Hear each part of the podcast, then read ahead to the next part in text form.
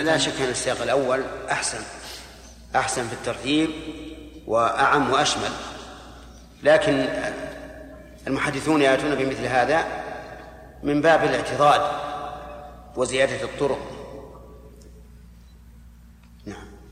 وحدثني زهير بن حرب قال حدثنا إسماعيل بن إبراهيم قال حدثنا أيوب عن أبي قلابة عن مالك بن الحوير الحويرث قال أتينا رسول الله صلى الله عليه وسلم ونحن شبيبة ونحن شببة متقاربون فأقمنا عنده عشرين ليلة وكان رسول الله صلى الله عليه وسلم رحيما رقيقا فظن أنا قد اشتقنا أهلنا فسألنا عمن تركنا من أهلنا فأخبرناه فقال ارجعوا إلى أهليكم فأقيموا فيهم وعلموهم ومروهم فإذا حضرت الصلاة فليؤذن لكم أحدكم ثم ليؤمكم أكبركم. وحدثنا أبو الربيع, أبو الربيع الزهراني وخلف بن هشام قال حدثنا حماد عن أيوب بهذا الإسناد وحدثنا وحدثناه ابن أبي عمر قال حدثنا عبد الوهاب عن أيوب قال قال لي أبو قلابة حدثنا مالك بن الحويرث أبو سليمان قال أتيت رسول الله صلى الله عليه وسلم في ناس ونحن شببه متقاربون واقتصا جميعا الحديث بنحو حديث ابن علي وحدثنا إسحاق بن إبراهيم بن إبراهيم الحنظلي قال أخبرنا عبد الوهاب الثقفي عن خالد الحذاء كذا عندك؟ بنحو. ها؟ بنحو حديث ابن علي وين ابن علي؟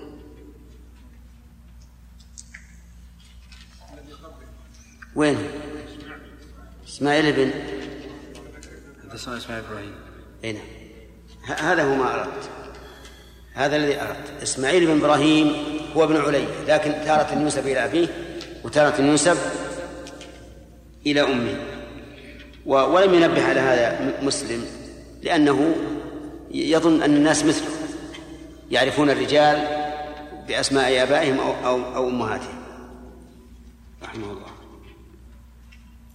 نعم وحدثنا إسحاق بن إبراهيم الحنظلي قال أخبرنا عبد الوهاب الثقفي عن خالد الحذاء عن أبي قلابة عن مالك بن الحويرث قال أتيت النبي صلى الله عليه وسلم أنا وصاحب لي فلما أردنا الإقفال من عنده قال لنا إذا حضرت الصلاة فاذنا ثم أقيما وليؤمكما أكبركما. وحدثناه أبو سعيد الأشج قال حدثنا حفص يعني ابن غياث قال حدثنا خالد الحذاء بهذا الإسناد وزاد قال الحذاء وكانا متقاربين في القراءة. نعم. وهذا هو هو هذا هو الواجب. لأن قوله وليؤمكما أكبركما هذا متى يأتي؟ في أي مرتبة؟ ها؟ الرابعة. القرآن اقرأ من كتاب الله ثم السنة ثم الأقدم هجرة ثم إسلاما أو سنة في المرتبة الرابعة. لكن أحيانا يختصر الرواة. ثم إن هذا جاء بلفظ التثنية. والحديث الأول في السياق الأول جاء بلفظ الجمع شباب متقاربون ولا منافاة.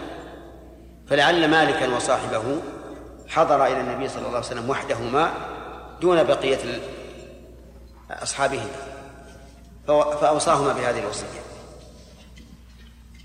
وقوله عليه الصلاة والسلام في هذا الحديث فليؤذن لكم. يستفاد منه أن الأذان فرض كفاية. لأنه قال فليؤذن لكم. ويستفاد منه أيضا أنه لا يجب لا تجب إجابة المؤذن وأن قوله صلى الله عليه وسلم فقولوا ما مثل ما يقول المؤذن على سبيل الاستحباب. ويستفاد منه أنه لا بد أن يسمع المؤذن لهم صوت المؤذن.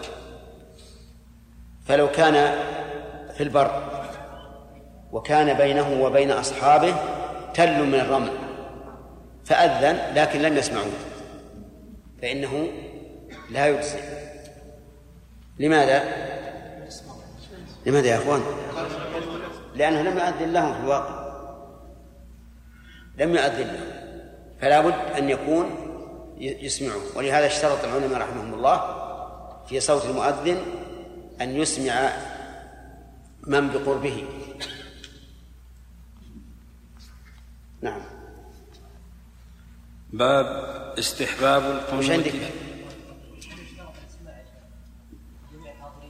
لا. لو لو لم يسمع إلا واحد من بقربه. ولهذا قلنا من بقربه. نعم. باب استحباب القنوت في جميع الصلاة. حدثني أبو الطاهر وح... اذا نزلت المسلمين نازلة. إذا نزلت بالمسلمين فوق ما موجود يا شيخ لكن تحت. أي. لا لابد من القيد. باب استحباب القنوت في جميع الصلاة إذا نزلت بالمسلمين نازلة والعياذ بالله واستحبابه في الصبح دائما. هذه هذه من كيس الطابع. ما هي عندك؟ استحبابه في الصبح دائما. ها؟ ما هي عندي؟ أنا اللي عندي نسخة محقق اظنها إسطنبولية. نعم. حدثني أبو الطاهر وحرملة بن يحيى قال أخبرنا ابن وهب قال أخبرني يونس بن يزيد عن ابن شهاب قال أخبرني سعيد بن المسيب وأبو سلمة بن عبد الرحمن بن عوف أنهما سمعا أبا هريرة يقول كان رسول الله صلى الله عليه وسلم يقول حين يفرغ من صلاة الفجر من القراءة ويكبر ويرفع رأسه سمع الله ويرفع رأسه سمع الله لمن حمده ربنا ولك الحمد. ثم يقول وهو قائم اللهم انج الوليد بن الوليد وسلمة بن هشام وعياش بن أبي ربيع. عندي يا شيخ بالكسر. وسلمة بن هشام وعياش بن أبي ربيعه والمستضعفين من المؤمنين. اللهم اشدد وطأتك على مضر واجعلها عليهم كسني يوسف. اللهم العن لحيان ورعل ورعلا وذكوان وعصية عصت الله ورسوله ثم بلغنا أنه ترك ذلك. لما أنزل ليس لك من الأمر شيء أو يتوب عليهم أو يعذبهم فإنهم ظالمون. اللهم صل وسلم عليه. آه، هذا قنوت للنوازل لما اشتدت الضائقة بالمسلمين من عدوهم في مكة دعا النبي صلى الله عليه وسلم أن ينجيهم الله عز وجل وأن وأن يشدد وطأته على مضر. وسمى فيستفاد من هذا الحديث فوائد. أولا جواز تسمية من تدعو له لأن الرسول صلى الله عليه وسلم سمى.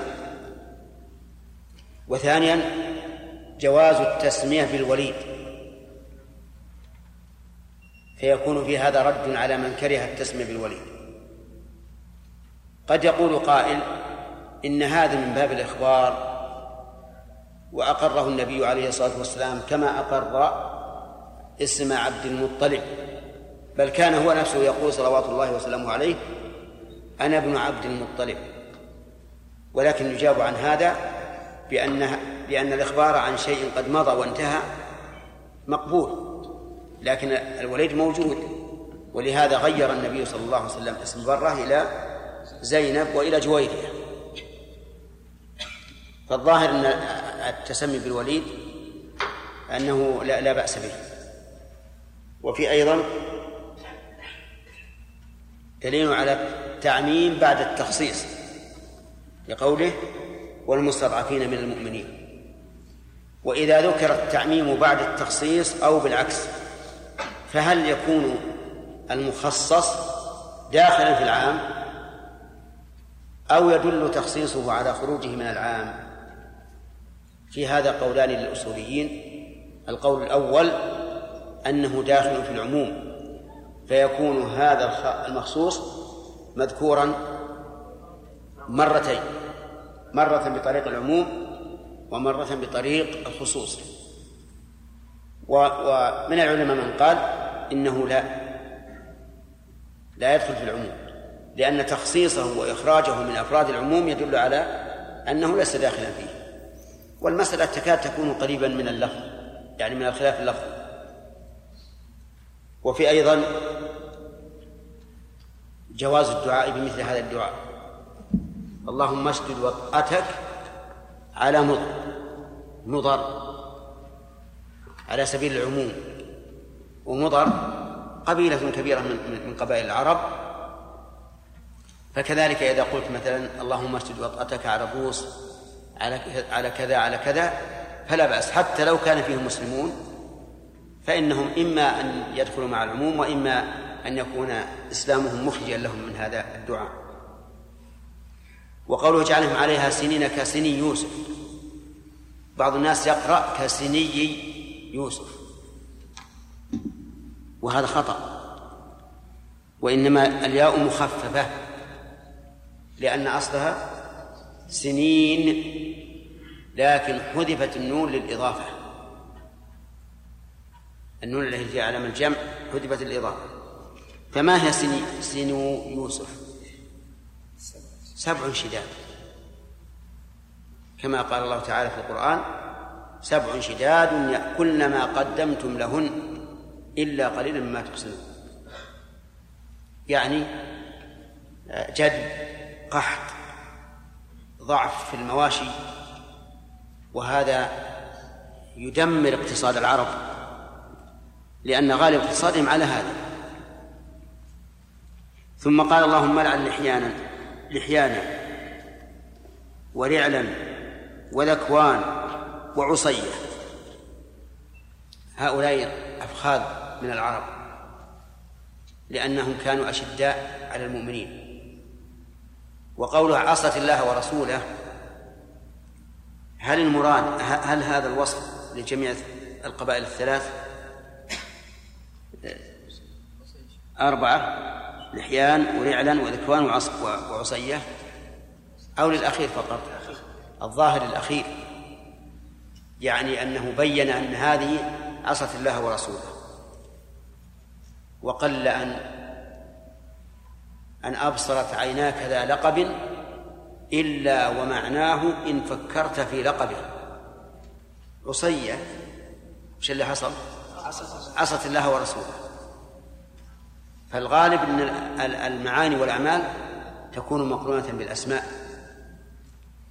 ويشهد لهذا أن النبي صلى الله عليه وسلم لما أقبل سهيل بن عمرو حال المفاوضة بينه وبين قريش في الحديبية قال إنه سهل من أمركم.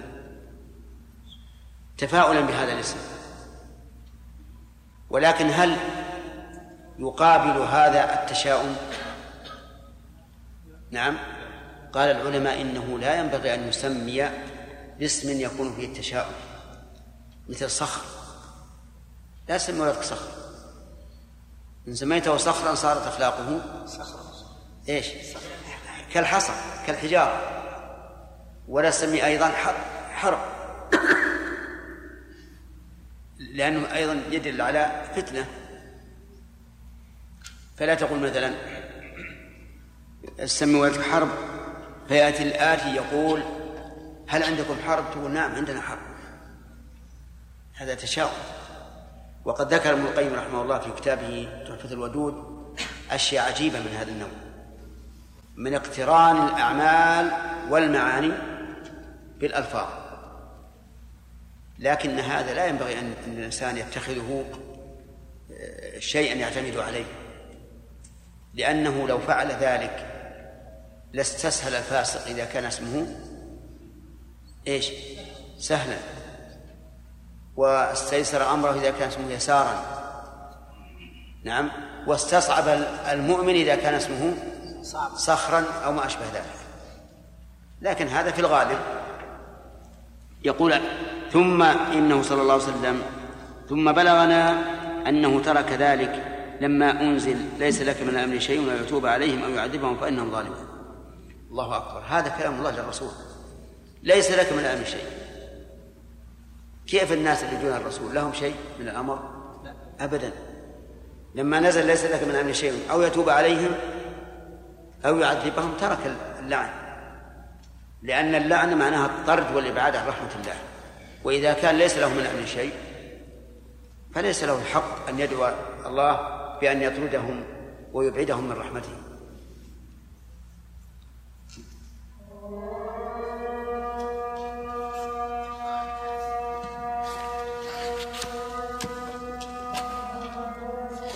سبع يظلمون وحدثنا أبو بكر بن أبي هذه الأخيرة من كيس الطابع. ما هي موجودة؟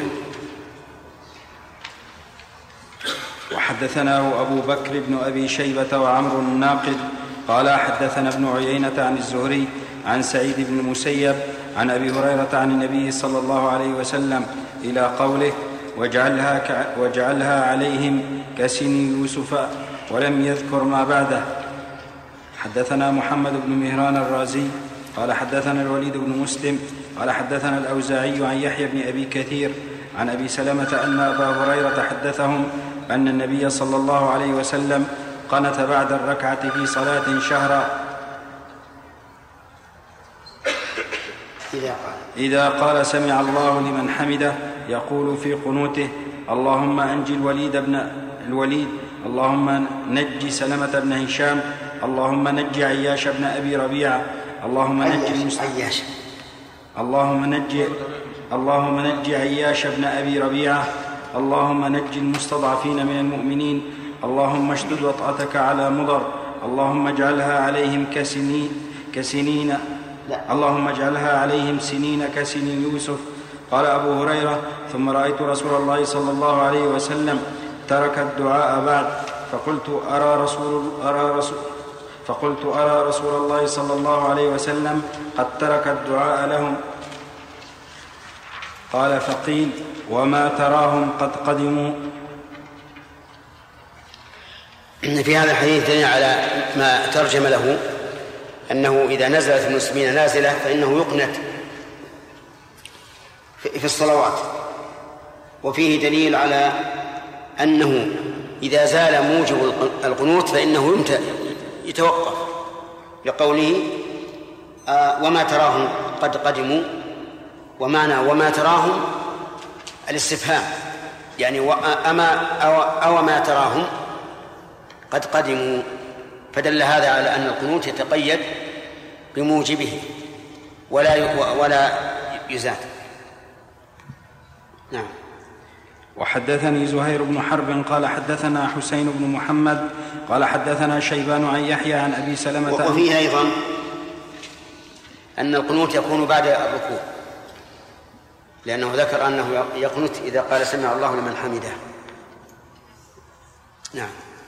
عن يحيى عن أبي سلمة أن أبا هريرة أخبره أن رسول الله صلى الله عليه وسلم بينما هو يصلي العشاء إذ قال سمع الله لمن حمده ثم قال, ثم قال قبل أن يسجد اللهم نج عياش بن أبي ربيعة ثم ذكر بمثل حديث الأوزاعي إلى قوله كسني يوسف ولم يذكر ما بعده. حدثنا محمد بن المثنى قال حدثنا معاذ بن هشام قال حدثني أبي عن يحيى بن أبي كثير قال حدثنا أبو سلمة بن عبد الرحمن أنه سمع أبا هريرة يقول والله لأقربن بكم صلاة رسول الله صلى الله عليه وسلم فكان أبو هريرة يقنت في الظهر والعشاء الآخرة وصلاة الصبح ويدعو للمؤمنين ويلعن الكفار. كيف؟ لأننا كفار. المعنى واحد اختلاف الله. فيه أيضا دليل على آه، أن مما يشرع في القنوت الدعاء للمؤمنين. بما يرى أنه مناسب للقنوت الذي قنت من أجله وفيه أيضا الدعاء على الكافرين باللعن. لكن هذا على سبيل العموم. أما على سبيل التعيين فإنه لا يجوز. وقد سبق أن النبي صلى الله عليه وسلم نهي عن لعن معين. نعم. آدم.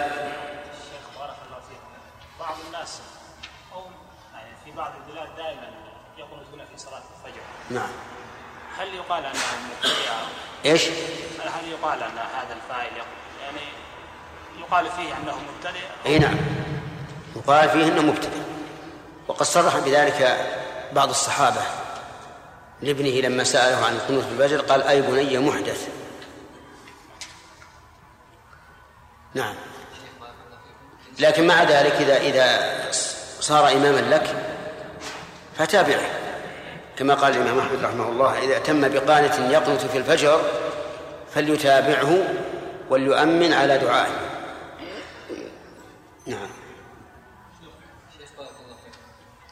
بالنسبة للقنوت في الفجر حتى ولو كان على غير الصفة المعروفة أنه إذا انتهى من القراءة سكت خمس دقائق أو ما يقل عن ذلك ثم ركع ويقولون هذه فترة القنوت فهل إذا كان بهذه الصفة يكون يعني هذا ليس هذا ليس بقنوت. لكن لعل القانت يقنت فيما بينه وبين نفسه. إيه نعم. إيه؟ هذا لا المشهور في القنوت إنه يرفع الصوت ويؤمن المأموم.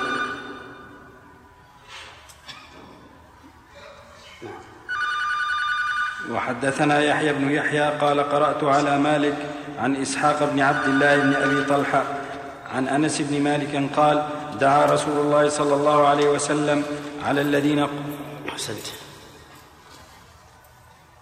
عن أنس بن مالك قال دعا رسول الله صلى الله عليه وسلم على الذين قتلوا أصحاب بئر معونة ثلاثين صباحا يدعو على ركل وذ... على رعل وذكوان ولحيان وعصية عصت الله ورسوله.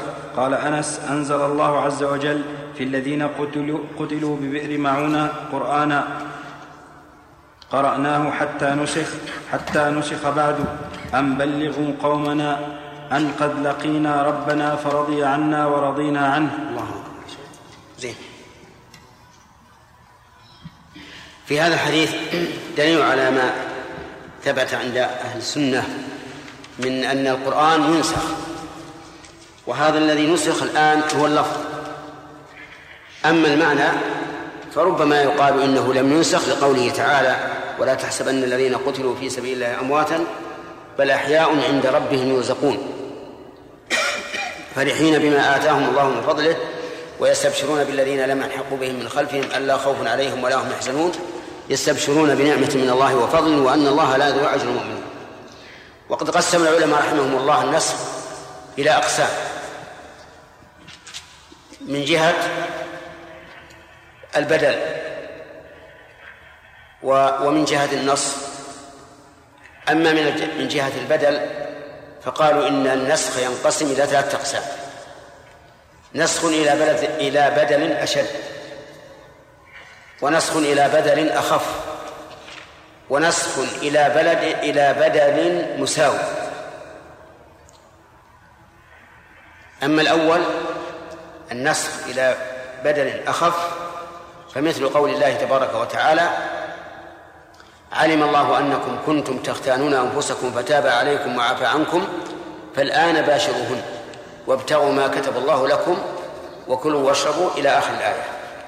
ومثل قول الله تعالى الآن خفف الله عنكم وعلم أن فيكم ضعفا فإن يكن منكم مئة صابرة يغلبوا مئتين وإن يكن منكم ألف يغلبوا ألفين. فالنصر هنا إلى أخف. ومثال النصر إلى أشد قول الله تبارك وتعالى يا أيها الذين آمنوا كتب عليكم الصيام كما كتب على الذين من قبلكم إلى قوله وعلى الذين يطيقونه فدية طعام مسكين فمن تطوع خيرا فهو خير له وأن تصوموا خير لكم إن كنتم تعلمون إلى أن قال شهر رمضان الذي أنزل فيه القرآن هدى للناس وبينات من الهدى والفرقان فمن شهد منكم الشهر فليصم وهذا نسخ إلى أشد. ووجه كونه أشد أن الناس كانوا في الأول مخيرين بين الصوم والإطعام ثم تعين الصوم. وفي هذا تضييق على المكلف. وأما النص إلى مماثل فكنسخ القبلة من بيت المقدس إلى مكة إلى إلى الكعبة. ووجه كونه مماثلا أن المكلف لا فرق عنده بين أن يتجه إلى الشمال أو إلى الجنوب. أليس كذلك؟ طيب فإذا قال قائل إذا ما الحكمة؟ نقول أما الحكمة بالنسخ إلى الأخف فلوجهين الوجه الأول بيان أن هذا أمر مهم يحتاج إلى العناية ولكن الله خفف الثاني بيان رحمة الله سبحانه وتعالى بالتخفيف انظر مثل الصلوات أول ما فرضت كم؟ خمسين صلاة. ثم نسخت إلى خمس بالفعل وخمسين في الميزان. وأما النسخ إلى أثقل فلبيان امتثال العبد وتحقيق العبادة وأنه يتعبد بأمر ربه. إن أمره بأخف فعل وإن أمره بأثقل فعل. هذا وجه. والوجه الثاني التدرج. التدرج بالشيء شيئا فشيئا. كما في الخمر مثلا. نسخ إلى أربع مرات. أبيح ثم عرض بتحريمه ثم حرم في أوقات معينة عند الصلاة ثم حرم على التأبيد.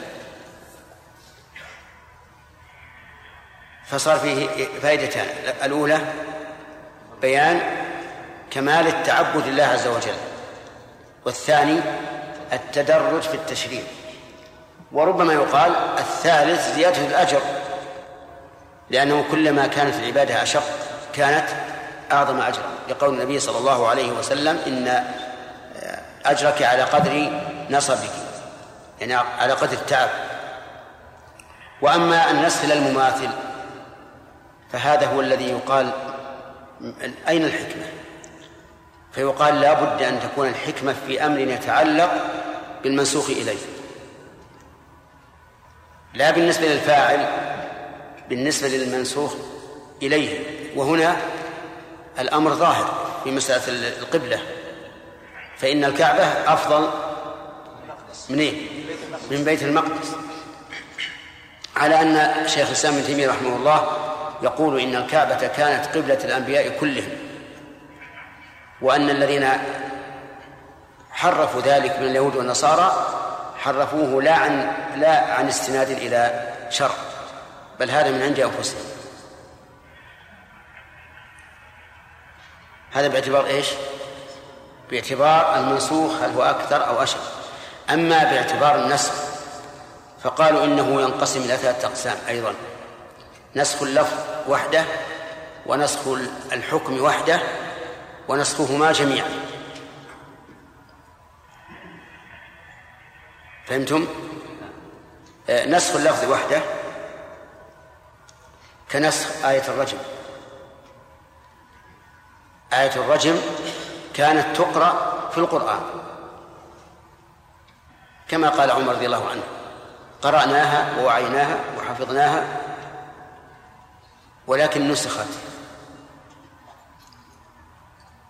الثاني نسخ الحكم دون اللفظ. يبقى اللفظ وينسخ الحكم. مثل آية المصابرة.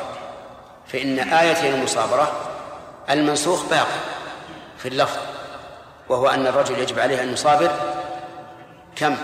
عشرة. وهي موجودة. والثالث نسخهما جميعا. ومثلوا لذلك بآية الرضاع. كان فيما أنزل من القرآن عشر رضعات ثم نسخنا بخمس.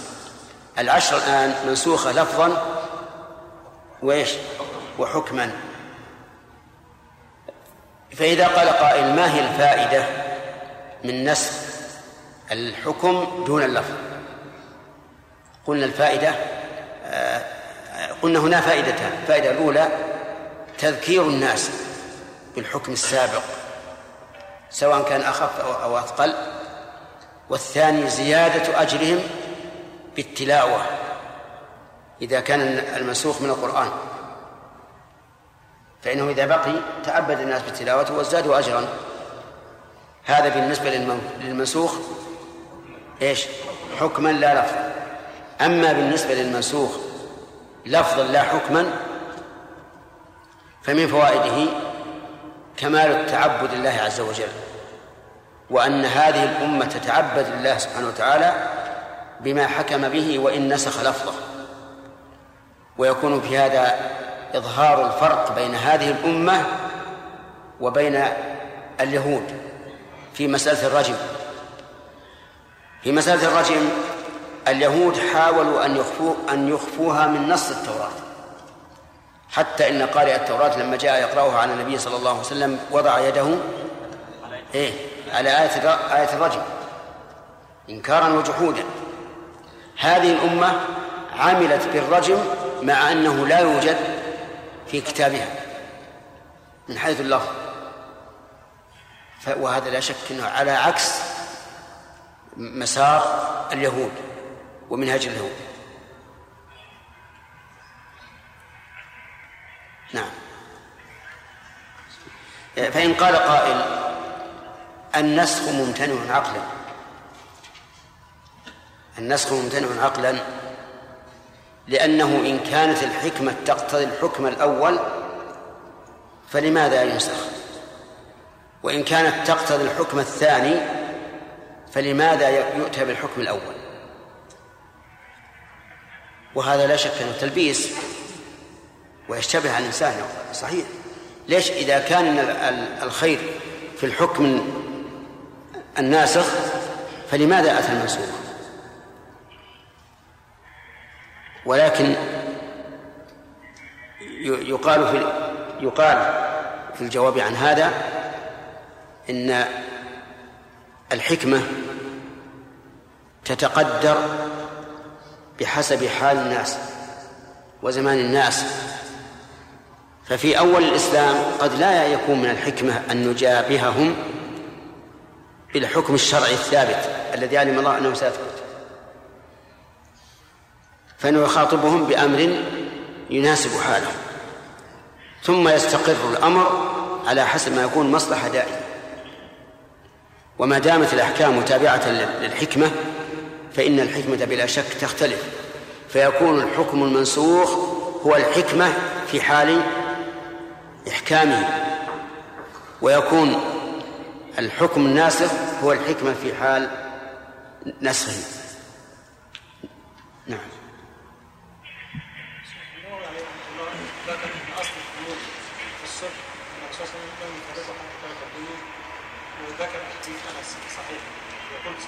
نعم.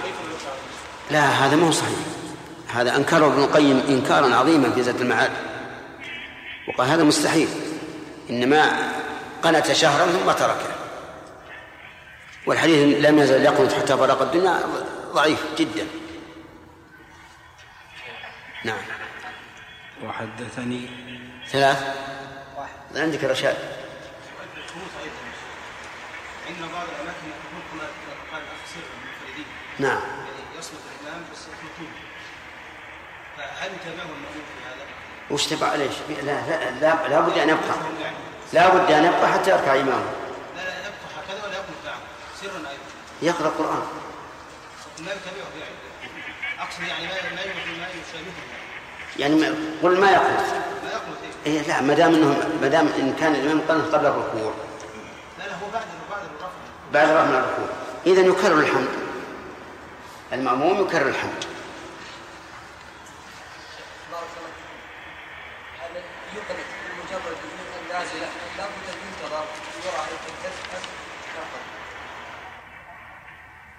الظاهر أن الشيء العارض الذي لا يدوم لا, لا يعتبر نازلا لأن هذا أمر يقع كثيرا. والرسول دعا لهؤلاء المستضعفين لأنهم آه، مكثوا مدة. نعم. ثلاثة؟ وحدثني عمرو الناقد طيب. هذا حديث جابر. إيش؟ حديث جابر تحرير حديث جابر. جابر؟ في ها؟ ها؟ بحث سامح؟ أي طيب أنا نسيت أجيب حق آه، بحث. فؤاد إن شاء الله نجيب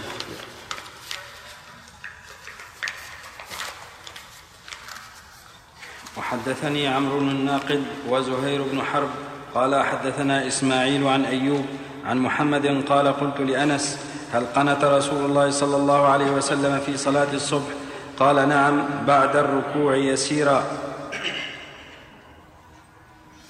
قول بعد الركوع يسيرا يحتمل أنه صفة لزمن أي زمنا يسيرا ويحتمل أنه صفة للقنوت أي لم يطل القنوت. والظاهر الأول الظاهر الأول أنه لا لم يطل لأنه إنما قنت كم شهرا ثم تركه.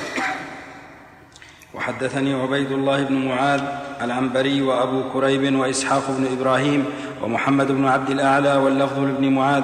قال حدثنا المعتمر بن سليمان عن أبيه عن أبي مج عن أبي مجلز عن أنس بن مالك. قال قنت رسول الله صلى الله عليه وسلم شهرا بعد الركوع في صلاة الصبح يدعو على رعل وذكوان ويقول عصية عصت الله ورسوله. وحدثني محمد بن حاتم قال حدثنا بهز بن أسد قال حدثنا حماد بن سلمة قال أخبرنا أنس بن سيرين عن أنس بن مالك أن رسول الله صلى الله عليه وسلم قنت شهرا بعد الركوع في صلاة الفجر يدعو على بني عصية. وحدثنا أبو بكر بن أبي شيبة وأبو كريب قال حدثنا أبو معاوية عن عاصم عن أنس قال سألته عن القنوت قبل الركوع أو بعد الركوع فقال قبل الركوع. قال قلت فإن ناسا يزعمون أن رسول الله صلى الله عليه وسلم قنت بعد الركوع فقال إنما قنت رسول الله صلى الله عليه وسلم شهرا يدعو على أناس قتلوا أناسا من الصحابة يقال لهم القراء والقنوت الذي أثبته أنس قبل الركوع غير القنوت الذي قيده بشهر بعد الركوع. القنوت الذي قبل الركوع هو طول طول القيام والقراءة. كما قال الله تعالى حافظوا على الصلوات والصلاة الوسطى وقوموا لله قانتين. وأما القنوت الذي قيده بالشهر فهو الدعاء على هؤلاء القوم وهو الذي كان بعد الركوع. نعم. حدثنا ابن أبي عمر قال حدثنا سفيان عن عاصم قال سمعت انسا يقول ما رأيت رسول الله صلى الله عليه وسلم وجد على سرية ما وجد على السبعين الذين أصيبوا يوم بئر معونة كانوا يدعون القراء فمكث شهرا يدعو على قتل على قتلتهم. وحدثنا ما وجد يعني حزن. الوجد بمعنى الحزن. والمعنى أن الرسول ما حزن على سرية كحزنه على هذه السرية. وحق له أن يحزن عليه الصلاة والسلام. لأنهم سبعون, لأنهم سبعون رجلا كلهم من القرى يقرؤون القرآن. وهؤلاء في الحقيقة أمرهم عظيم وهمهم كبير. ولكن الرسول عليه الصلاة والسلام ليس له ملجأ إلى الله عز وجل فصار يدعو على قتلتهم. نعم. وحدثنا أبو كريب قال حدثنا حفص وابن فضيل حاء وحدثنا ابن أبي عمر قال حدثنا مروان كلهم عن عاصم عن أنس عن النبي صلى الله عليه وسلم. بهذا يزيد بعضهم على بعض. عندي بهذا الحديث. نعم شيخ. بهذا الحديث يزيد بعضهم على بعض. وحدثنا عمرو الناقد قال حدثنا الأسود بن عامر قال أخبرنا شعبة عن قتادة عن أنس بن مالك أن النبي صلى الله عليه وسلم قنت شهرا يلعن رعلا وذكوان وعصية عصوا, عصوا الله ورسوله. وحدثنا عمرو الناقد قال حدثنا الأسود بن عامر قال أخبرنا شعبة عن موسى بن أنس عن أنس عن النبي صلى الله عليه وسلم بنحوه. حدثنا محمد بن المثنى قال حدثنا عبد الرحمن قال حدثنا هشام عن قتادة عن أنس أن رسول الله صلى الله عليه وسلم قنت شهرا يدعو على أحياء من أحياء العرب ثم تركه. حدثنا محمد بن المثنى وابن بشار قال حدثنا محمد بن جعفر قال حدثنا شعبة عن عمرو بن مرة قال سمعت ابن أبي ليلى قال حدثنا البراء بن عازب أن رسول الله صلى الله عليه وسلم كان يقنط في الصبح والمغرب. وحدثنا ابن نمير قال حدثنا أبي قال حدثنا سفيان عن عمرو بن مرة عن عبد الرحمن بن أبي ليلى عن البراء قال قنت رسول الله صلى الله عليه وسلم في الفجر والمغرب. حدثني أبو الطاهر أحمد بن عمرو بن سرح المصري قال حدثنا ابن وهب عن الليث عن عمران بن أبي أنس عن حنظلة بن علي عن خفاف بن إيماء الغفاري قال قال رسول الله صلى الله عليه وسلم في صلاة اللهم العن بني لحيان ورعلا وذكوان وعصية عصوا الله, عصوا الله ورسوله غفار غفر الله لها وأسلم سالمها الله وحدثنا يحيى بن أيوب وقتيبة وابن حجر. قال قال ابن أيوب حدثنا إسماعيل قال أخبرني محمد وهو ابن عمرو عن خالد بن عبد الله بن حرملة عن الحارث بن خفاف أنه قال قال خفاف ابن إيماء ركع رسول الله صلى الله عليه وسلم ثم رفع رأسه فقال غفار غفار غفر الله لها وأسلم سالمها الله وعصية عصت الله ورسوله. اللهم العن بني لحيان والعن رعلا وذكوان ثم وقع ساجدا قال قال خفاف فجعلت فجعلت لعنة الكفرة من أجل ذلك. حدثنا يحيى بن أيوب قال حدثنا إسماعيل قال واخبرنيه عبد الرحمن بن حرملة عن حنظلة بن علي ابن الأسقع عن خفاف بن إيماء بمثله إلا أنه لم يقل فجعلت لعنة الكفرة من أجل ذلك نعم ورد بعض الاثار ان القنوت يكون قبل الوقوع نعم هل هذا خاص بالوتر أو الظاهر إن هذا من باب اختلاف ال- السنة وأنه يجوز قبل الركوع وبعده.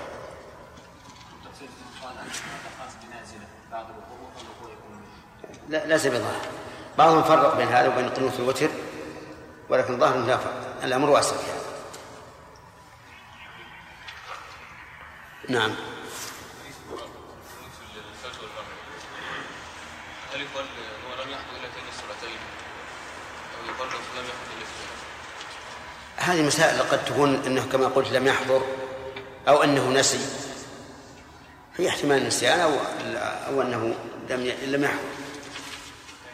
لكن وقد ثبت في حديث ابن عباس أن النبي صلى الله عليه وسلم قت- قنت في كل الصلوات الخمس. كلها في النوازل يقنت فيها. لكن أكثر قنوت عليه الصلاة والسلام في الفجر والمغرب. نعم. شيخ آية الرجم التي نسخت لفظها دون حكمها هل هي التي توجد في التفاسير؟ الشيخ والشيخة إذا زنيا فرجموهما البتة. نقل من ما كتب نقل من والله عزيز حكيم لا لا ما هي؟ ليست هي. أي نعم. لا- لأن هذا الشيخ والشيخة إذا زنيا فرجمهما البتة نكال من الله جزاء ما كتب نقل من جزاء بما كسب نكال من الله والله عزيز حكيم. يخالف الحكم الثابت. لأن الحكم في الرجم مقيد بماذا؟ إيه بالإحصان سيء. يقول الشيخ والشيخة الشيخ معناه كبير السن وبناء على ذلك لو لو زنت الصغير لا يرجم. ولو زنى الشيخ وهو لم يتزوج لا رجم. فهذا ليس بصحيح ولا يمكن أن يثبت القرآن الكريم بهذه الرواية الضعيفة التي تخالف ما ثبت في الصحيحين. لأن عمر أعلن على المنبر قال وإن الرجم حق ثابت في كتاب الله على من زنى إذا أحسن. قيد وعمم في قوله على من زنى يعني سواء كان صغيرا أو كبيرا إذا أحسن. هنا فهذا فهذا ال- ال- الذي اشتهر عند الناس ليس بصحيح. اولا لمخالفة الحكم والثاني أن مثل سنده لا تثبت به لا تثبت به القرآن لا يثبت به القرآن. نعم. باب نعم. صفة الدعاء للمصلي بينه وبين نفسه قبل الركوع من الركعة الأولى في صلاة الفجر وذلك لا. لا هذا هذا غلط. بدعة؟ نعم. الصحيح الصحيح أنه لا قنوت في- في في الفرائض ابدا إلا إذا نزلت بالمسلمين نازلة. نعم. هل يسمى قنوت ها؟ يسمى قنوت هو القنوت هو الدعاء. وطول القيام يسمى قنوتا. نعم. باب قضاء الصلاة الفائتة واستحباب تعجيل قضائها. حدثني حرملة بن يحيى التجيبي قال أخبرنا ابن وهب قال أخبرني يونس عن ابن شهاب عن سعيد بن المسيب عن أبي هريرة أن رسول الله صلى الله عليه وسلم حين قفل من غزوة خيبر سار ليله حتى إذا أدركه الكرى عرس وقال لبلال اكلأ لنا الليل. فصلى بلال ما قدر له ونام رسول الله صلى الله عليه وسلم وأصحابه. فلما تقارب الفجر استند بلال إلى راحلته مواجه الفجر. فغلبت بلالا عيناه وهو مستند إلى راحلته فلم يستيقظ رسول الله صلى الله عليه وسلم ولا بلال ولا أحد من أصحابه حتى ضربتهم الشمس. فكان رسول الله صلى الله عليه وسلم أولهم استيقاظا ففزع رسول الله صلى الله عليه وسلم فقال أي بلال؟ فقال بلال أخذ بنفس الذي أخذ بأبي أنت وأمي يا رسول الله بنفسك. قال اقتادوا فاقتادوا رواحلهم. شيئا ثم توضأ رسول الله صلى الله عليه وسلم وأمر بلالا فأقام الصلاة فصلى بهم الصبح.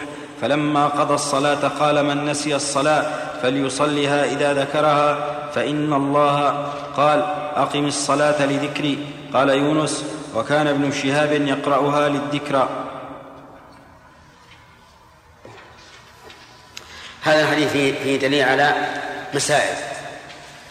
المسألة الأولى أن النبي صلى الله عليه وعلى آله وسلم بشر ينتابه ما ينتاب الناس من النوم وطلب الراحة وغير هذا. وقد أكد ذلك بقوله صلوات الله وسلامه عليه إنما أنا بشر مثلكم أنسى كما تنسون. وفيها أيضا دليل على توكيل من يراقب الوقت وأن أولى من يوكل المؤذن. لأن النبي صلى الله عليه وسلم وكل بلالا في ذلك. وفي أيضا دليل على أن النائم غير مؤاخذ. لأن النبي صلى الله عليه وسلم أقر بلالا حين قال أخذ بنفس الذي أخذ بنفسك. فالنائم ليس بمؤاخذ بل مرفوع عنه القلم. لكنه يقضي ما فاته من الواجب إذا إذا إذا صار مما يقضى شرعا. وفيه دليل على أنه إذا حصل مثل هذا ونام الناس عن الصلاة في مكان فإن السنة أن أن يتأخروا عن هذا المكان. ينتقلوا عنه شيئا يعني لا يعبدون كثيرا. وذلك لأن هذا الشيطان كما جاء في الحديث حضرهم فيه الشيطان, فيه الشيطان فكان لا ينبغي أن يصلوا فيه. وفيه وفيه دليل على أن المسافر فرضه فرضه أن يتطهر بالماء. لأن النبي صلى الله عليه وسلم توضأ. وأما من قال إن المسافر لا وضوء عليه وإنما يتيمم لقوله تعالى وإن كنتم مرضى أو على سفر أو جاء أحد منكم من الغائط فجعل السفر قسيما للمرض مبيحا للتيمم فهذا ليس بصحيح. ويقال إنما إنما ذكر الله السفر لأن الغالب في السفر هو عدم الماء فيكون هذا من باب التقييد بأغلب الأحوال. والتقييد بأغلب الأحوال يقول العلماء إنه ليس له مفهوم. ومن فوائد هذا هذا الحديث أيضا أنه يؤذن للمقضية. يؤذن للمقضية. يعني إذا فاتت الصلاة قوما ثم لم يستيقظوا إلا بعد أن طلع الوقت فإنهم يؤذنون لقوله فأمر وأمر بلالا فأقام الصلاة لكن في رواية أخرى أذن. أذن وأقام الصلاة. و و فصلى بهم الصبح. ولم يبين كيف صلى في هذا في هذا السياق لكنه قد ثبت. أظنه من حديث أبي قتادة أنه صلى أنه صلاها كما كان يصليها كل يوم. وبناء على ذلك يكون قضاء هذه الصلاة مثل مثل أدائها أي أنه يقرأها يقرأ بها جهرا لأنها صلاة جهرية فتقضى كما كانت. ويؤيد هذا قوله صلى الله عليه وعلى آله وسلم من صام عن من نام عن صلاة أو نسيها فليصليها فإنها الضمير يعود على الصلاة المقضية في جميع بجميع أحوالها يعني كيفيتها والجهر بالقراءة فيها وغير ذلك. وبناء على هذا نقول إذا قضى صلاة ليل في نهار فإنه إيش؟ يجهر. وإن قضى صلاة نهار في ليل فإنه يسر. ونقول أيضا إذا قضى صلاة حضر في سفر إيش؟ يتم. وإذا قضى صلاة سفر في حضر يقصر. ومن فوائد هذا الحديث العفو عن النسيان. لقوله فليصليها إذا ذكره ومن فوائده أن الأوامر لا تسقط بالنسيان بل يطالب بها الإنسان. لقوله من نسي فليصليها. بخلاف النواهي فإن الإنسان إذا فعلها ناسيا فإنه لا يجب عليه ما يترتب على فعلها ذاكرا. والفرق بينهما أن فعل المأمور أم إيجاب. إيجاب وإيجاد لما أمر به. وأما ترك المحظور فهو تخل عنه وإذا فعله جاهلا أو ناسيا فإنه لا يلزمه شيء. كما أن تارك المأمور في حال نسيانه ليس عليه شيء أي أنه لا يأثم ولا يقال إنك آثم لما أخرجت عن الوقت الوقت عن الصلاة ناسا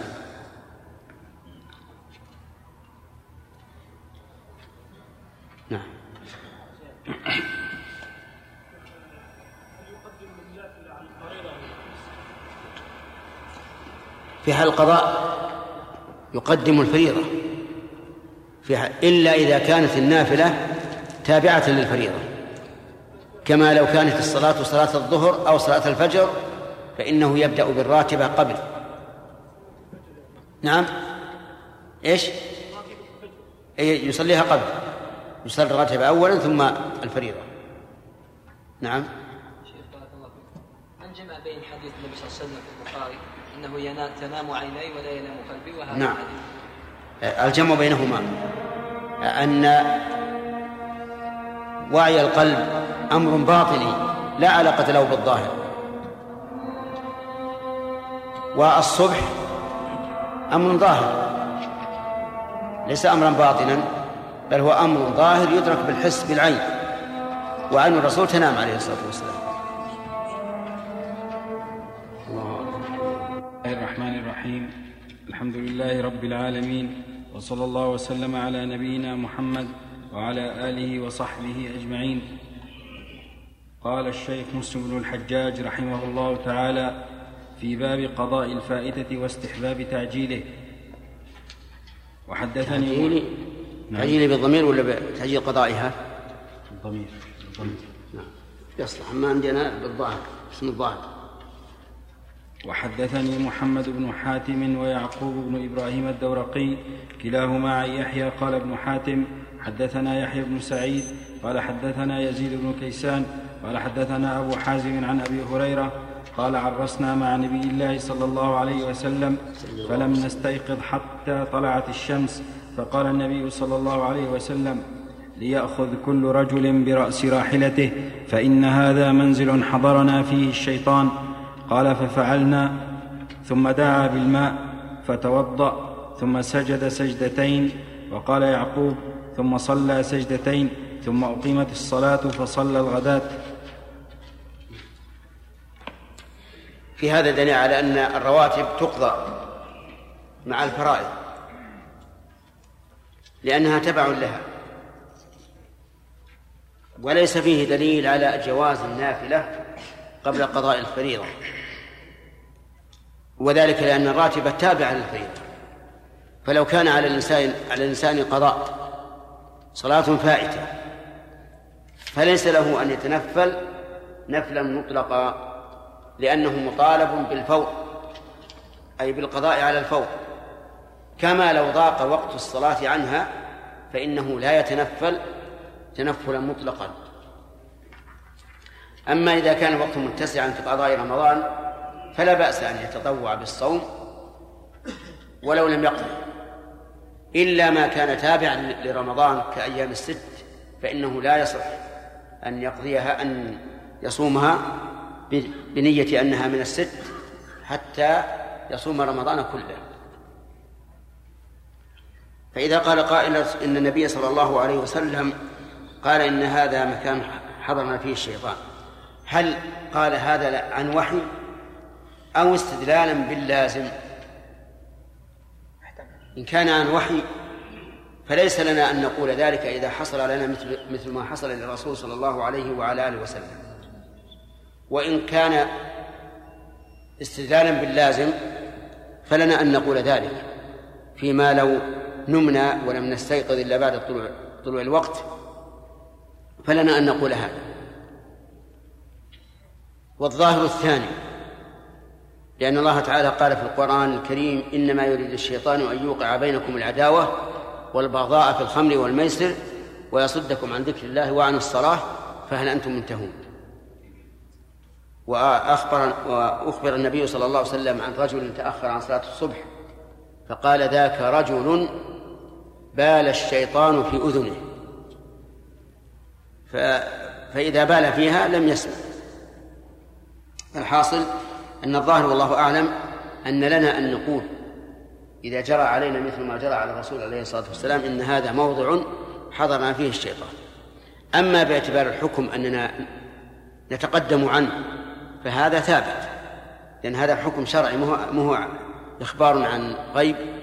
بل حكم شرعي. أننا إذا عرسنا أي نزلنا في آخر الليل في مكان ثم نمنا ولم نقم إلا بعد طلوع الشمس فإن من السنة أن إيش؟ أن نتحول عن عن مكاننا. فإذا قال قائل هذا يستدعي تأخير قضاء الفائتة. وقضاء الفائتة على الفور فالجواب أن هذا التحول من مصلحة الصلاة نعم من عليه قضاء رمضان وتركه يعني مفرطا حتى خرج شعبان. هل نقول إنه يصوم ستة أيام وهو مفرط؟ أي أيام الست يعني؟ نعم. لا لا يصوم. لأنه فات وقته. نعم. شراف وهو مشروع أهل البيت من النساء مثلا التحول وكذلك الرجل نعم. طلعت الشمس إذا كان البيت ليس فيه إلا غرفة واحدة فلا يمكن التحول. لأننا لو قلنا تحول لخرج إلى السوق. وأما إذا كان فيه غرف يتحول من هذه الغرفة إلى الغرفة الأخرى نعم عبد الله.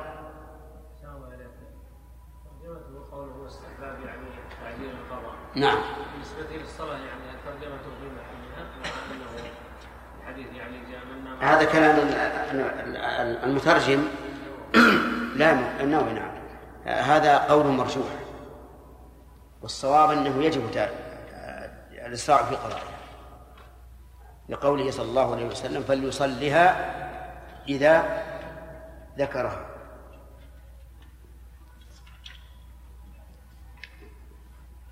نعم. وفي الحديث أيضا ان أن السجدة تطلق على الركعة الكاملة. لقوله ثم سجد سجدتين. نعم. وحدثنا شيبان بن فروخ قال حدثنا سليمان يعني ابن المغيرة قال حدثنا ثابت عن عبد الله بن رباح عن أبي قتادة قال خطبنا رسول الله صلى الله عليه وسلم فقال إنكم تسيرون عشيتكم وليلتكم وتأتون الماء إن شاء الله غدا فانطلق الناس لا يلوي أحد على أحد. قال أبو قتادة فبينما رسول الله صلى الله عليه وسلم يسير حتى ابهار الليل وأنا إلى جنبه قال فنعس رسول الله صلى الله عليه وسلم فمال عن راحيته فأتيته فدعمته من غير أن أوقظه حتى اعتدل على راحلته قال ثم صار حتى تهور الليل مال عن راحلته قال فدعمته من غير أن أوقظه حتى اعتدل على راحلته. قال ثم سار حتى إذا كان من آخر السحر مال ميلة هي أشد من الميلتين الأوليين حتى كاد ينجفل فأتيته فدعمته فرفع رأسه فقال من هذا؟ قلت أبو قتادة. قال متى كان هذا مسيرك؟ مسيرك يا شيخ. نعم. متى؟ متى كان هذا مسيرك؟ متى كان هذا مسيرك مني؟ قلت ما زال هذا مسيري منذ الليلة. قال حفظك الله بما حفظت به نبيه. ثم قال هل ترانا نخفى على الناس؟ ثم قال هل ترى من أحد؟ قلت هذا راكب. ثم قلت هذا راكب آخر حتى اجتمعنا فكنا سبعة ركب. قال فمال رسول الله صلى الله عليه وسلم عن الطريق؟ فوضع رأسه ثم قال احفظوا علينا صلاتنا. فكان أول من استيقظ رسول الله صلى الله عليه وسلم. والشمس في ظهره. قال فقمنا فزعين. ثم قال اركبوا فركبنا. فسرنا حتى إذا ارتفعت الشمس نزل ثم دعا بميضأة. كانت معي فيها شيء من ماء. قال فتوضأ منها وضوءا دون وضوء. قال وبقي فيها شيء من ماء. ثم قال لأبي قتادة احفظ علينا ميضأتك فسيكون لها نبأ. ثم أذن بلال بالصلاة. فصلى رسول الله صلى الله عليه وسلم ركعتين ثم صلى الغداة فصنع كما كان يصنع في كل يوم. قال وركب رسول الله صلى الله عليه وسلم وركبنا معه. قال فجعل بعضنا يهمس إلى بعض. ما كفارة ما صنعنا بتفريطنا في صلاتنا. ثم قال أما لكم في أسوة؟ ثم قال أما إنه ليس في النوم تفريط. إنما التفريط على من لم يصل الصلاة حتى يجيء وقت الصلاة الأخرى. فمن فعل ذلك فليصلها حين ينتبه حين ينتبه لها. فإذا كان الغد فليصلها عند وقتها. ثم قال ما ترون الناس صنعوا؟ قال ثم قال قال ثم قال أصبح الناس فقدوا نبيهم. فقال أبو بكر وعمر رسول الله صلى الله عليه وسلم بعدكم لم يكن ليخلفكم. وقال الناس إن رسول الله صلى الله عليه وسلم بين أيديكم فإن يطيعوا أبا بكر وعمر يرشدوا. قال فانتهينا إلى الناس حين امتد النهار وحمي كل شيء وهم يقولون يا رسول الله هلكنا عطشنا. فقال لا هلك عليكم. ثم قال اطلقوا لي غمري. قال ودعا بالميضأة فجعل رسول الله صلى الله عليه وسلم يصب وأبو قتادة, وأبو قتادة يسقيهم. فلم يعد فلم يعدوا أن رأى الناس ماء في الميضأة تكابوا عليها. فقال رسول الله صلى الله عليه وسلم أحسنوا الملأ كلكم أحسنوا الملأ كلكم سيروى. قال ففعلوا فجعل رسول الله صلى الله عليه وسلم يصب وأسقيهم. حتى ما بقي غيري وغير رسول الله صلى الله عليه وسلم. قال ثم صب رسول الله صلى الله عليه وسلم فقال لي اشرب. فقلت لا أشرب حتى تشرب حتى تشرب يا رسول الله. قال إن ساقي القوم آخرهم شربا. قال فشربت. وشرب رسول الله صلى الله عليه وسلم. قال فأتى الناس الماء جامين رواء قال فقال عبد الله بن رباح إني لأحدث هذا الحديث في مسجد الجامع إذ قال عمران بن حصين انظر أيها الفتى كيف تحدث فإني أحد الركب تلك الليلة. قال قلت فأنت أعلم بالحديث. فقال ممن أنت؟ قلت من الأنصار. قال حدث فأنتم أعلم بحديثكم. قال فحدثت القوم. فقال عمران لقد شهدت تلك الليلة وما شعرت أن أحدا حفظه كما حفظته. هذا الحديث طويل وفيه فوائد. منها أن النبي صلى الله عليه وسلم قال إنكم تسيرون عشيتكم وليلتكم وتأتون الماء إن شاء الله غدا. وهذا يشعر بأنهم كانوا محتاجين إلى الماء. وفيه أنه ينبغي للإنسان أن لا يقول لشيء مستقبل إلا مقرونا بالمشيئة. لقوله إنكم آه نعم تأتون الماء غدا وتأتون الماء غدا إن شاء الله. وقد أشار وقد ذكر الله ذلك في كتابه حيث قال ولا تقولن لشيء إني فاعل ذلك غدا إلا أن يشاء الله. وهذا إذا قصد الإنسان بذلك الفعل.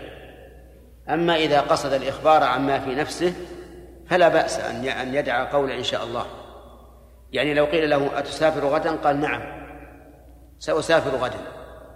ولا ولا يقصد بذلك الفعل لأن الفعل لا يملكه. قد يحصل عليه مانع أو قد تنثني همته أو ما أشبه ذلك. لكن يقصد أنه إيش؟ عازم. وهذا خبر عن شيء موجود لا خبر عن شيء مستقبل. وفيه أن النبي صلى الله عليه وسلم يطلعه الله عز وجل على ما شاء من الغيب إلا أن يقال لعل لعل للنبي صلى الله عليه وسلم خبرا في هذا الطريق ويعرف أن الماء قريب فوعدهم به فهذا محتمل. وفيه آه هذه الفضيلة والمنقبة لأبي قتادة رضي الله عنه وجزاه عن رسول الله صلى الله عليه وسلم وعنا خيرا حيث كان كلما نعس النبي عليه الصلاة والسلام ومال عن راحلته دعمه حتى يستقيم وهذا من حفظه رضي الله عنه لنبينا صلى الله عليه وعلى آله وسلم. ولا شك أنه أن له فضلا ولهذا كافأه النبي صلى الله عليه وسلم هذه المكافأة العظيمة. فقال حفظك الله بما حفظت به نبيه. والباء هنا للسببية. أي بسبب أنك حفظت نبيه صلى الله عليه وآله وسلم من أن يقع عن راحلته. وفيه أن النبي صلى الله عليه وعلى آله وسلم بشر. يأخذه النوم كما يأخذ غيره من البشر. والنوم كما يقول العامة سلطان جائر لا يرحم أحدا. إذا كان الإنسان فيه نوم لا بد أن ينام. ولهذا أمر النبي عليه الصلاة والسلام من نعس في صلاته أن يخرج من صلاته ويدع الصلاة حتى حتى ينام. وهذا يدل على كمال الله عز وجل حيث قال عن نفسه تبارك وتعالى لا تأخذه سنة ولا نوم. وذلك لكمال حياته جل وعلا. لا تأخذه لا يمكن أن ينام ولا أن ينعس. وقال النبي عليه الصلاة والسلام إن الله لا ينام ولا ينبغي له أن ينام. يعني مستحيل أن ينام لأنه كامل الحياة عز وجل وكامل القيومية. فمن يقوم بالخلق لو أخذه النوم؟ لا أحد.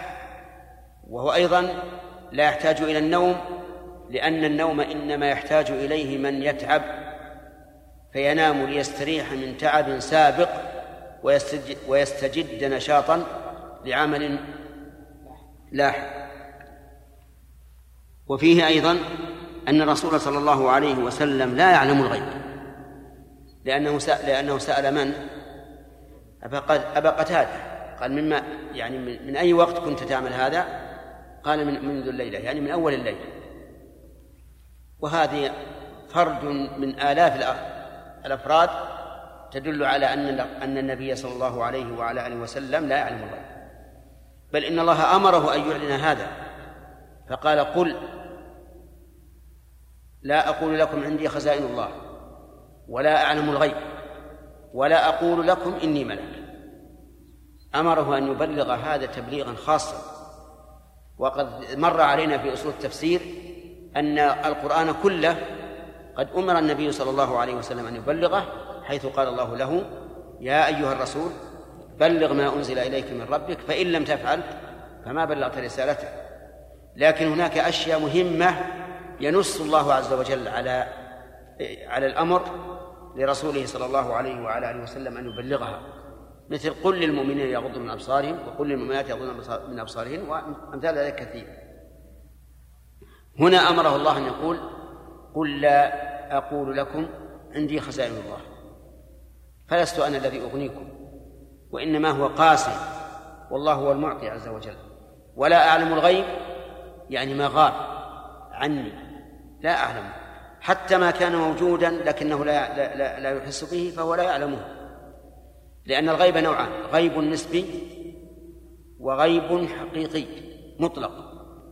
فما كان في المستقبل فهو حقيقي مطلق لا أحد يعلمه إلا الله عز وجل ومن أطلعه عليه. وغيب نسبي أي أنه غائب عن شخص وليس غائبا عن شخص آخر. فمثل الذين في السوق الآن هم في في عالم المشاهدة ولكنهم بالنسبة لنا في عالم الغيب لا نعرفه. وفي هذا الحديث أيضا أن الرسول عليه الصلاة والسلام قد ينفرد عن أصحابه أحيانا لسبب من الأسباب. إما لوعورة الطريق أو لاختلاف بعضهم عن بعض في في الضياع أو غير ذلك. لأن الرسول كان معه أبو قتادة ثم جاء آخر وآخر وآخر حتى كانوا كم؟ سبعة. والقوم كلهم ليسوا معه مع أن عادته صلوات الله وسلامه عليه أنه لا يتجاوز أصحابه بل إنه يكون في آخرهم كما في حديث حديث جابر رضي الله عنه حين كان على جمل قد أعيا فلحقه النبي صلى الله عليه وعلى آله وسلم لأن الرسول في آخر القوم لحقه والقصة مشهورة و وه... وهذه عادته أنه كان عليه الصلاة والسلام يكون في الساقة ليتفقد أصحابه ويعين من يحتاج إلى إعانة. وهذا من تمام رعايته وحسن خلقه. لكن هذه المسألة هذا السفر لا بد أن يكون هناك سبب لاختلاف بعضهم عن بعض. يقول نعم.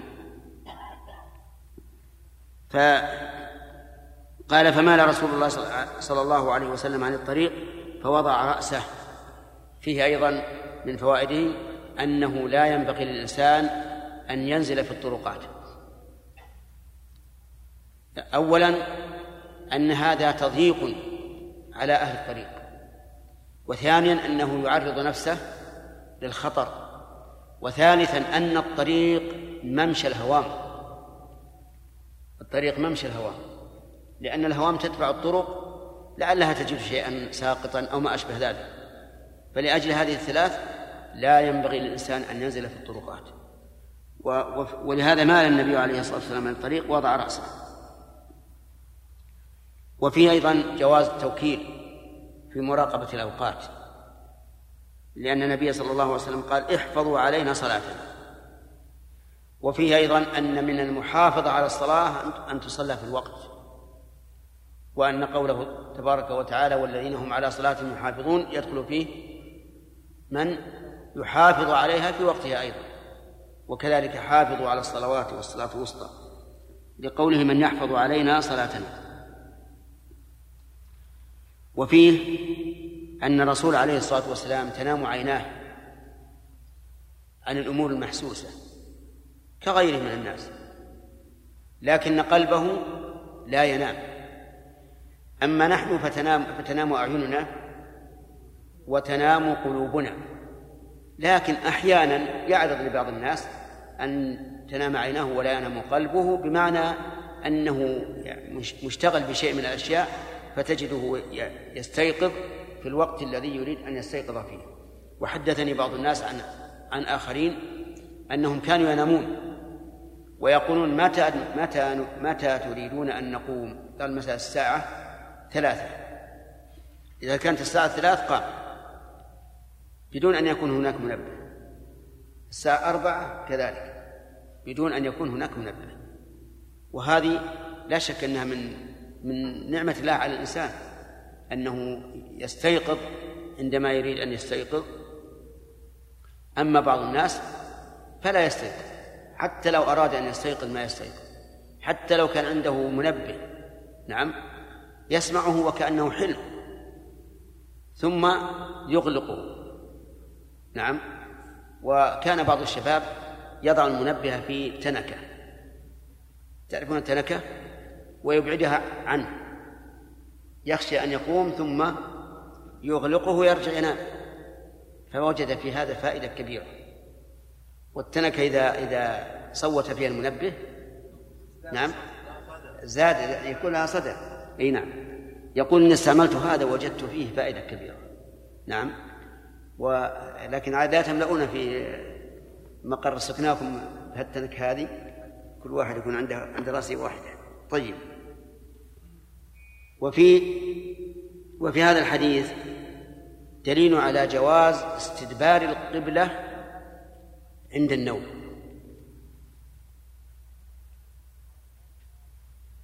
يعني معناها أن أن لا يتجه إليها ما هو استدباره أن لا يتجه إليها من أين تؤخذ يا خالد؟ إيه كيف هذا؟ كيف عرفنا أنه لم يستقبل القبلة في نومه؟ أيوة طيب.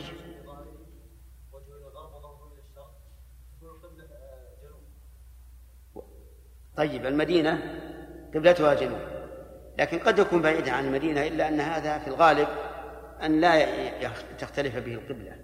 وعلى كل حال فالمشروع في النوم أن يكون على الجنب الأيمن. أن يكون على الجنب الأيمن هذا صح به الحديث كما في حديث البراء بن عازب رضي الله عنه. أما استقبال القبلة فإلى الآن لم لم أعلم حديثا ينص على أن الإنسان ينبغي له أن يستقبل القبلة. فإن وجدتم شيئا فأسرفون به. ومن فوائد هذا الحديث أن الإنسان يسير إذا غلبه النوم عن مكانه كما سبق في الحديث الأول. وفي أيضا أن الرسول عليه الصلاة والسلام علم بأن الميضة التي كانت مع أبي قتادة سيكون لها شأن وسيأتي إن شاء الله بيان هذا الشأن الذي قاله الرسول عليه الصلاة والسلام. وفيه أن القضاء يحكي الأداء وذلك لأن النبي صلى الله عليه وسلم أذن أمر بلال أن يؤذن لهذه الصلاة وسبق أنه يصلي ركعتين السنة وهنا يقول رضي الله عنه يقول فصنع كما كان يصنع كل يوم. يقول فصلى ركعتين ثم صلى الغداة فصنع كما كان يصنع كل يوم. إذا جهر فيها أو لا؟ نعم جهر فيها لأنه كل يوم يجهر بها مع أنه صلاها في النهار. وعلى هذا فإذا قضى الإنسان صلاة الليل في النهار إيش؟ جهر. وإن قضى صلاة نهار في ليل أسر. ويؤيد هذا قول النبي صلى الله عليه وعلى آله وسلم من نام عن صلاة أو نسيها فليصليها إذا ذكره. وها تعود على الصلاة تعود على الصلاة كمية وكيفية وبناء على ذلك أيضا. لو نسي صلاة سفر وذكر في الحضر صلاها ركعتين. وإن ذكر وإن نسي صلاة حضر وذكرها في السفر صلى أربع نعم. يقول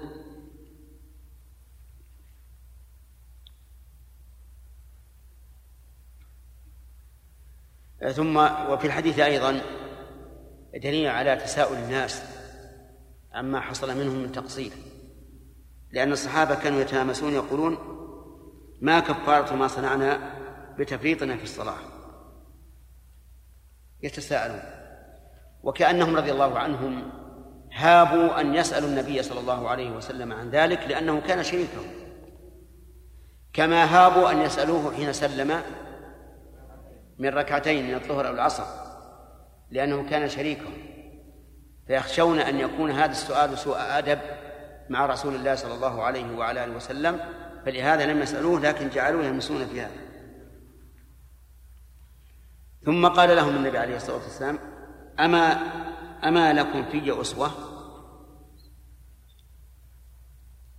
وهذا يدل على أن ما سكت عنه النبي عليه الصلاة والسلام في المقام الذي يحتاج إلى الكلام فالسنة السكوت عنه وعدم البحث عنه لأن الرسول صلى الله عليه وسلم سكت ولم يقل عليكم كفارة ولا شيئا. فهو يقول أما لكم في أسوة. وفيه أيضا أنه يجب علينا أن نتأسى برسول الله صلى الله عليه وعلى آله وسلم. ونجعله ونجعله أسوتنا. في الأمور الواجبة نقوم بها على وجه الواجب. وفي الأمور المستحبة نقوم بها على وجه الاستحباب. وفي هذا الحديث أيضا دليل على أن النائم ليس منه تفريط. لأن النوم يوجب رفع التكليف عن المكلف. وترون قصة أصحاب الكهف.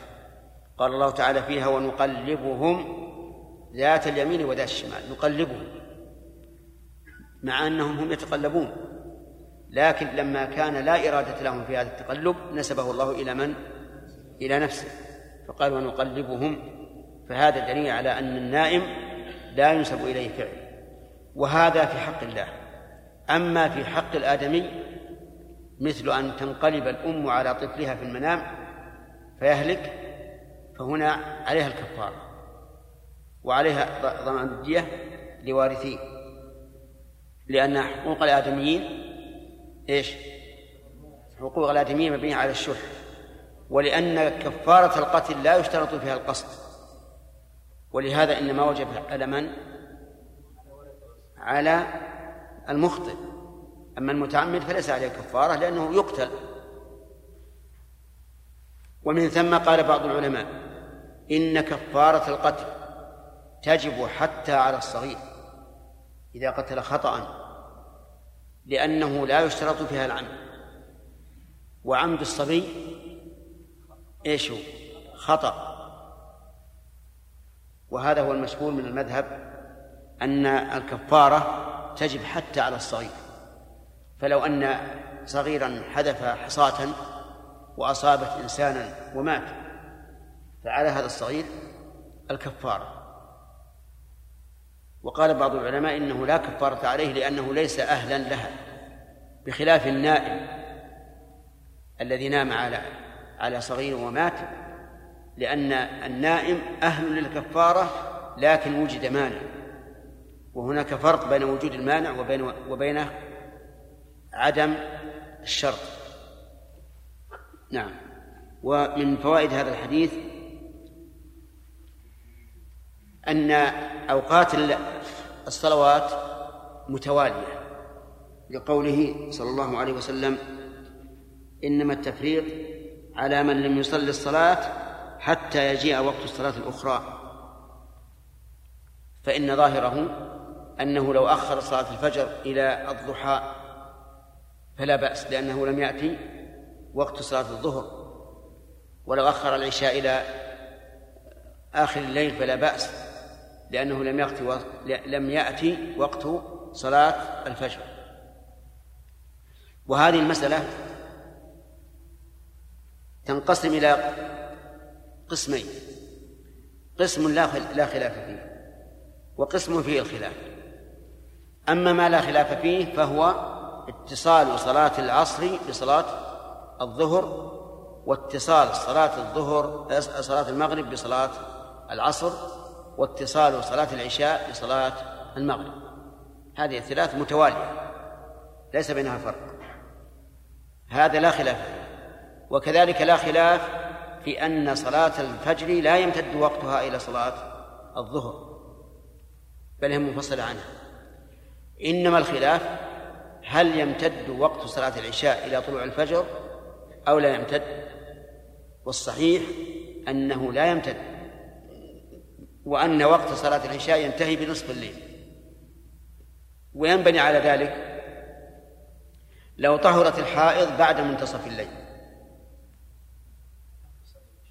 فإن قلنا بأن الوقت يمتد إلى الفجر وجب عليها صلاة العشاء. وإن قلنا لا يمتد وهو الراجح لم تجب عليها صلاة العشاء. لأن وقت العشاء ينتهي بماذا يا أخ؟ أنت. الجنب يا فهد ها؟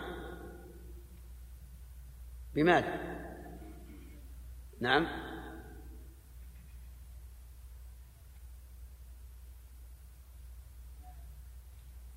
كيف ما تعلمون عندنا. يا بني اطلب العلم حقيقة. اطلب العلم حضر دروسك وانتبه. أما تقعد متكئا على الجدار وتخابر نعم كأن بيدك تلفون فهذا غلط. طالب العلم يحرص يكون معه كتابه ويبحث يسأل انتبهت الآن؟ لا أخ... لا أراك بعد اليوم إلا ومعك الكتاب.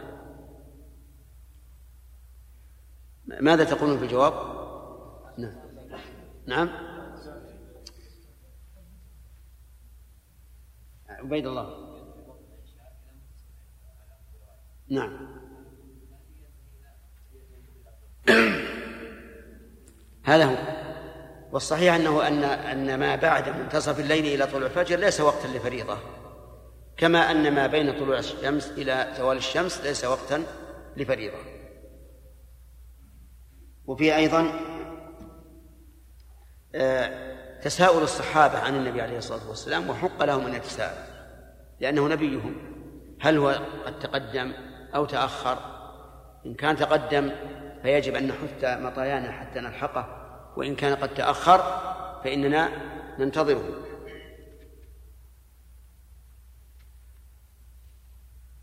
أبو بكر وعمر قالوا إن رسول الله صلى الله عليه وسلم بعدكم لم يكن ليخلفكم. لماذا؟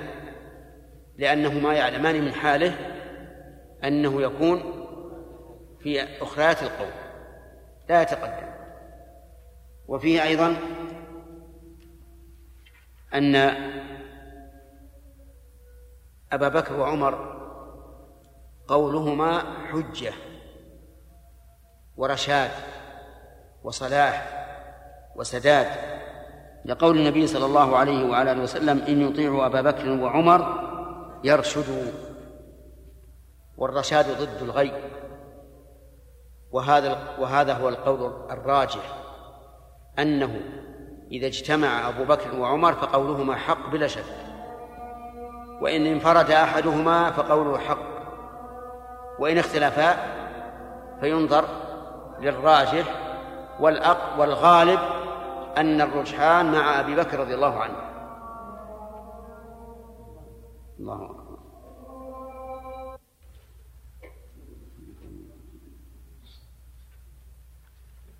آه، هنا نسأل هل الصواب مع أبي بكر وعمر أم مع الناس؟ نعم. مع أبي بكر وعمر. لقولك فلما انتهينا إلى الناس انتهينا إلى الناس وإلى للغاية. وهذا هو عادة النبي صلى الله عليه وسلم كما سبق أن ذكرناه. وفي من فوائد هذا الحديث أنه ينبغي للقائد ومن يوجه الناس أن يذكر لهم ما فيه الأمل والفأل لأن الصحابة قالوا عطشنا هلكنا الوقت حار والماء قليل. فقال النبي صلى الله عليه وسلم لا هلك عليكم. وهذا فتح أمل للإنسان. وكلما فتح الإنسان الأمل لإخوانه كان في ذلك إدخال السرور عليهم.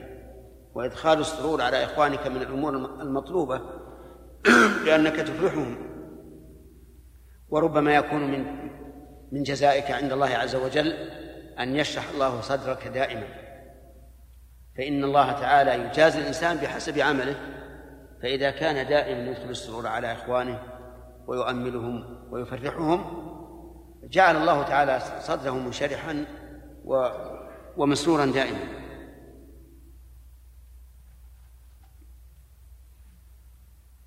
وفيه أيضا من من آيات النبي صلى الله عليه وسلم ما جرى لميضات أبي قتادة. حيث روي بها القوم كلهم مع أنها في الأصل ليس فيها إلا ماء إلا ماء قليل. وفيها في الحديث أيضا تواضع النبي صلى الله عليه وسلم والعقيل يبين من أين يؤخذ؟ نعم. نعم. حيث كان هو الذي يبشر يباشر الصب للناس. وأبو, وأبو قتادة يسقيه. وهذا ما أظن أحد يفعله في الوقت الحاضر. أن أمير القوم هو الذي يصب لهم ليشربوا مع أن هذا هو هدي النبي صلى الله عليه وسلم.